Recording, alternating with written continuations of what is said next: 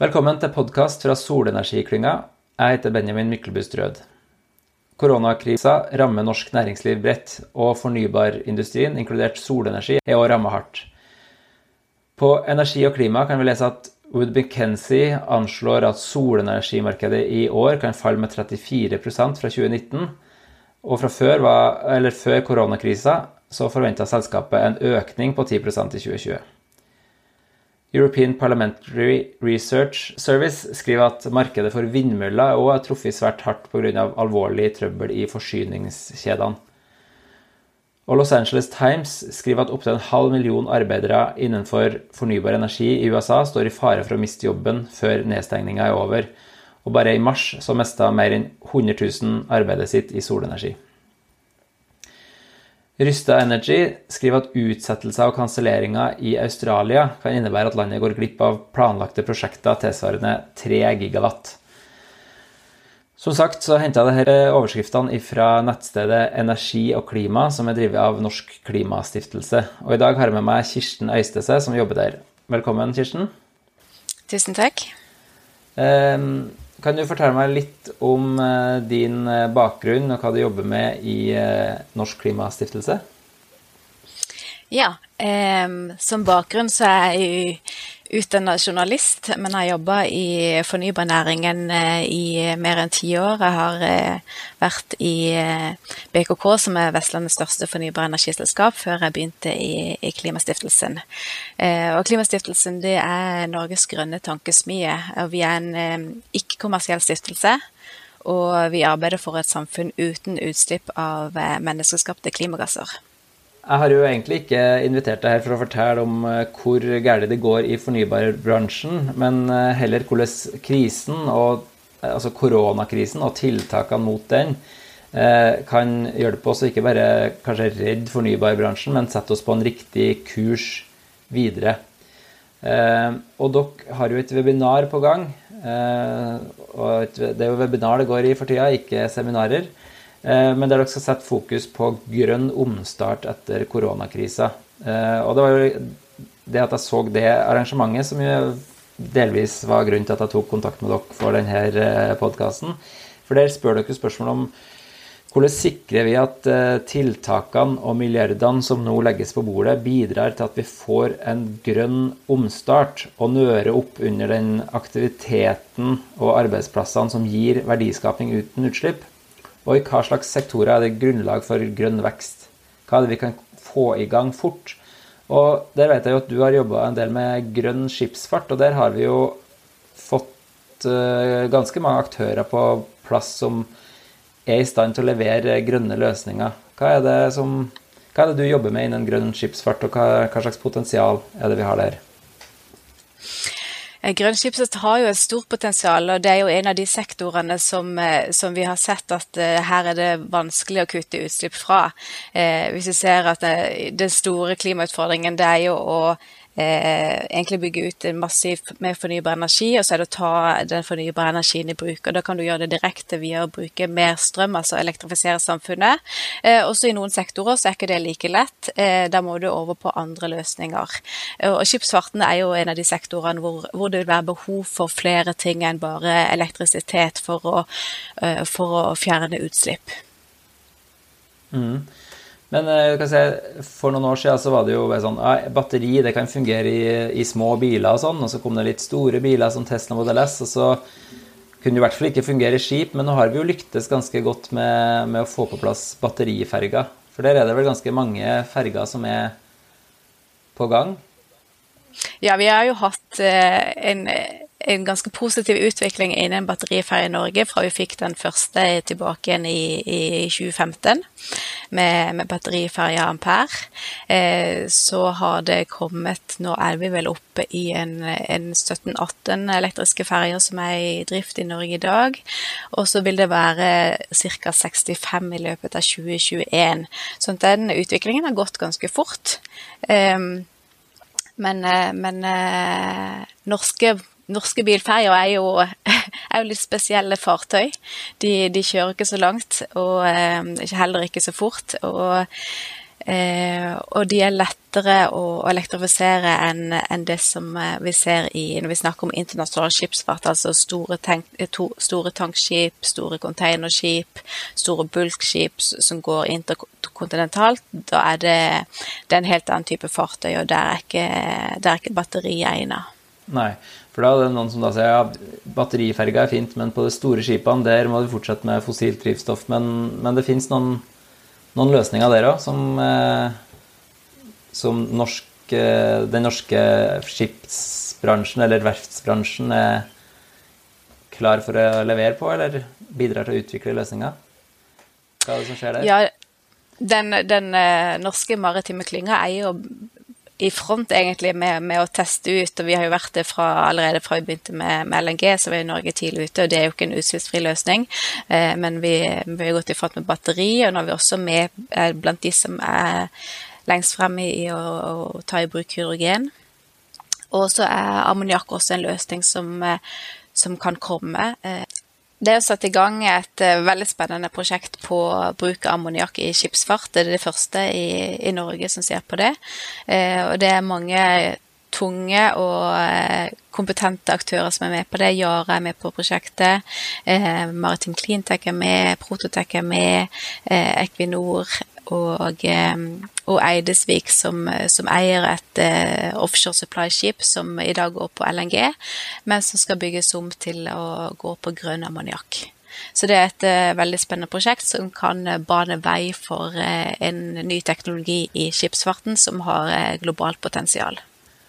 Ja, for, for oss som slutta med to kjemi på, på Eh, hva er, hva er ammoniakk, og hvordan eh, henger det sammen i en liksom, grønn eh, verdikjede? Ja, Ammoniakk er jo ikke noe som man egentlig eh, før de siste årene har snakka om som et drivstoff. Eh, vi kjenner jo til ammoniakk mer som eh, i, i, gjødsel, men, eh, men eh, som drivstoff så er det vel de siste to, kanskje tre årene at det er blitt eh, snakka om som en mulighet. Og særlig det siste året så er det en, en teknologi som er blitt eh, eh, satser mer på det. Flere og flere snakker om mulighetene til, eh, til å bruke ammoniakk. Eh, fordi det er en karbon, altså det kan være en karbonfri løsning. Ammoniakk består jo av nitrogen og hydrogen. Eh, så spørsmålet om i hvilken grad du kan få en klimavennlig ammoniakk, altså en, klima, en karbonfri ammoniakkproduksjon, er jo hvis du får tak i hydrogen eh, basert på fornybar energi. Eventuelt må du bruke hydrogen fra, fra, fossilt, men da med karbonfangst og -lagring. Ja, riktig. Og det er forskjellen på, på en måte, grønn og blå hydrogen, er det det man ofte kaller det? Ja, man kaller gjerne blå hydrogen eller blå ammoniakk hvis man bruker da eh, fossil energi som innsatsfaktor, men med karbonfangst og -lagring. Eh, mens hvis man bruker eh, fornybar energi, så, så, kaller man det grønn ammoniakk. Mm. Men grønn ammoniakk er jo på en måte det som er starten på den norske industrielle revolusjonen, Etter det da, med at man produserer hydrogen fra vannkraft og lager gjødsel basert eh, på det. Så vi er litt tilbake til røttene hvis vi går på det sporet her. Mm, stemmer, det var der det begynte. Og så ble gass eh, rimeligere og enklere å ta i bruk, og så gikk man over til det. Eh, men nå ser man jo at ved å gå tilbake igjen til elektrolyse og fornybar energi, så, så kan man få en utslippsfri ammoniakkproduksjon igjen. Ja, og hvis man da har den ammoniakken, så er jo det et, et litt sånn større molekyl enn en hydrogen, så det er liksom lettere å ta med seg en hydrogen. Det, det er det som er hensikten, ikke sant? Ja, det har en høyere energitetthet. Mm. Så det betyr at det tar ikke så mye plass eh, i forhold til den energimengden du får med deg. Hvis vi ser på det drivstoffet som vi bruker i skipsfarten i dag, som, som eh, er bunkersolje, altså eh, tungolje eller lavsvovelolje, så, eh, så er jo det et fantastisk drivstoff hvis vi ser bort fra klimautfordringen og miljøutfordringen.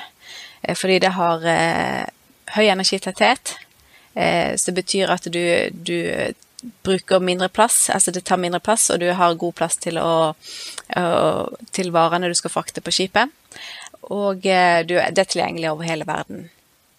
Så alle alternativer til, eh, til dagens drivstoff, de er dårligere i den forstand at de eh, både trenger mer plass, og du må lage de. Eh, sånn at for å få en klimavennlig løsning, så må ikke, så må du både se på hvordan du lager, de, lager drivstoffet, og, eh, og at du også bruker ren energi i den prosessen.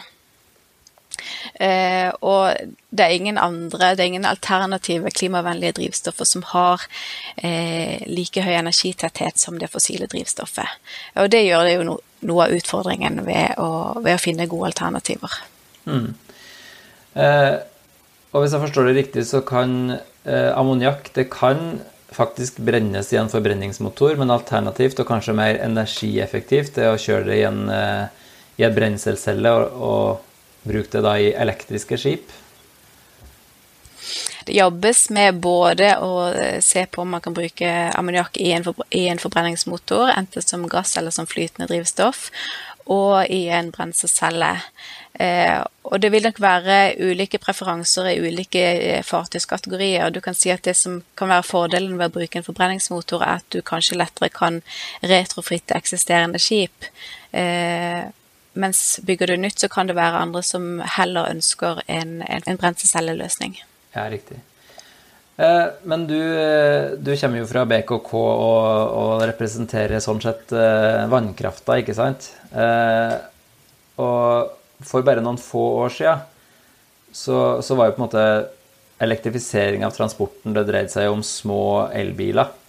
Og det var, liksom, det var litt vanskelig å skjønne i Norge hva man skulle med mer fornybar energi enn det, det vi allerede har med vannkrafta. Altså selv om vi bruk, bruker veldig mye fossil energi, så var det for fem til ti år siden eh, vanskeligere å se potensialet i hvordan vi skulle eh, få til en større overgang. Da.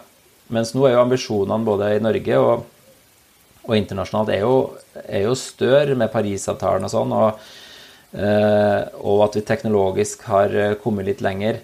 Eh, fordi når vi snakker om at vi skal elektrifisere tungtransport og skipstransport og sånn, så trenger vi vel ganske mye mer energi for å få til det.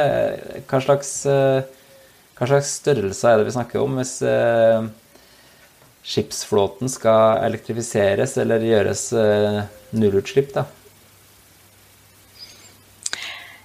En viktig del av, av, klimaløsningen det er jo fornybar energi, og vi trenger store mengder fornybar energi både til, eh, til strømmen eh, og til eh, skipsfarten, og de som ikke bare skal bruke strøm direkte, men f.eks. bruke som vi snakker om hydrogen og ammoniakk. Og da er det ganske store volum eh, vi snakker om. Eh, det er gjort noen regnestykker eh, på La oss si hvis hele den internasjonale skipsflåten som i dag bruker rundt fem millioner fat olje per dag. Hvis den skulle gått på ammoniakk, eh, og du skulle bruke fornybar energi til å produsere ammoniakken, så vil du trenge et, kanskje et sted mellom 7000 og 10 000 TWh. Og hvis vi da vet at uh, den globale strømproduksjonen totalt i dag, altså med, med både kull og, og, gass og fornybart og, kjerne, så er den på 27 000-28 000 TWh. Uh, da er det ganske stor volum som trengs av fornybar energi bare til å produsere grønn ammoniakk. Så dette er noe som må bygges opp over tid. Men det, det gir også et, eh, et stort potensial da, når man eh, ser de, de trendene med at eh, strøm og med at sol og, og, vind blir billigere, og at det er ressurser som, som kan tas i bruk. Mm. Sånn at når vi har gått ifra at vi kanskje snakka om et sånn kraftoverskudd i Norge for noen år siden, så sånn som situasjonen ser ut nå, så er det, er det ingen grunn til å holde igjen på utbygging av fornybar energi verken i Norge eller eller internasjonalt da, i det bildet her, hvis vi skal lykkes med en omstilling i, i skipsfart og industri og alle sånne sektorer? I Norge har vi et kraftoverskudd fordi vi ikke har eh, vært flinke nok til å ta kraften i bruk. Men vi har jo fremdeles et, eh, et ganske stort fossilt energibruk som, eh, som, må erstattes med fornybart. Så da kan man jo ikke se på kraftoverskuddet som en utfordring. Egentlig det er en mulighet til å, til å få høyere tempo i den i den omstillingen. Og det ser vi jo, for nylig så kom jo tallene fra eh, utgiftsfordelingene på, på, kommunene fra, fra Miljødirektoratet som viser jo at dessverre i, i flere storbyer i, i, Norge nå, både i Oslo og i Bergen og Trondheim, så gikk utslippene opp fra 2017 til 2018. Og viser at da går ikke omstillinga fort nok, så vi trenger å få ned utslippene. Og det, det er spesielt innenfor transport. Og da er, jo, da er jo fornybar energi det er jo en ressurs som vi må bruke. Ja, nettopp. Fordi vi må ta den i bruk. Akkurat som at uh, elbilene og solcellepanelene, det er ikke det som løser klimautfordringen, men det å fjerne fossilbilene og, og kullkraft og, og, marin diesel. Ja, helt klart. Det er, jo, det er jo en systemendring vi trenger. Mm. Og da, du, du, har jo brukt uttrykket liksom at vi skal bygge grønne verdikjeder. Henger jo da sol og vind godt sammen med den verdikjeden du snakker om, hydrogen og ammoniakk i, i skipsfarten. Kan vi se for oss at uh, nye land kommer til å få gode forhold for å produsere drivstoff til skip da, i framtida? Ja, det er jo gjort mange gode kartlegginger hvor det finnes eh, gode ressurser for, eh, for, både sol og vind. Og det er jo sol og vind som, som har vokst, og vi ser det der det er stort potensial til å bygge ut ny fornybar energi i verden. Eh, Norge har jo naturgitte fordel. Altså vi har eh, gode vindressurser til havs. Eh, vi er på en måte ikke det landet i verden med de beste solressursene. Det betyr på ingen måte vi ikke skal ta det i bruk, for det, det kan være fornuftig å bygge ut eh, sol eh, også i, i Norge. Eh, men i, i storskala produksjon så, så, har vi nok større potensial i vindkraft til havs. Mm. Og da er det jo viktig å se eh, se mulighetene i å tenke verdikjeder og tenke hvordan kan vi ta denne kraften i bruk når vi eh, i dag ser at eh, et kraftoverskudd paradoksalt nok er en utfordring til tross for at vi har et stort fossilt forbruk. Mm. Og Det betyr at uh, norsk satsing på både sol og vind og havvind passer godt sammen med en satsing på fornybar eller grønn skipsfart for å skape det verdikjedene. Det passer jo som hånd i hanske, for det vil trenge ganske store volum hvis du først tenker at du skal satse på produksjon av grønn hydrogen og grønn ammoniakk. Da, da, trenger du eh, eh en solid mengde energi. Mm. Og på webinaret den 7. Eh, mai så, eh, så vil vi jo se på eh, hvor har vi muligheter til å få en grønn omstart, og se på hvilke hvilke sektorer og hvilke næringer har Norge spesielle fortrinn? Hvor kan vi få eh, pusha i gang prosjekter som gir langvarig verdiskaping kombinert med utslippskutt? Det grønne skiftet, rett og slett, som, eh, som trenger betydelig høyere tempo enn en det det har i dag. Mm. Ok, med, med, det så tror jeg jeg sier eh, takk for uh, at du kom, Kirsten Øystese fra Norsk Klimastiftelse.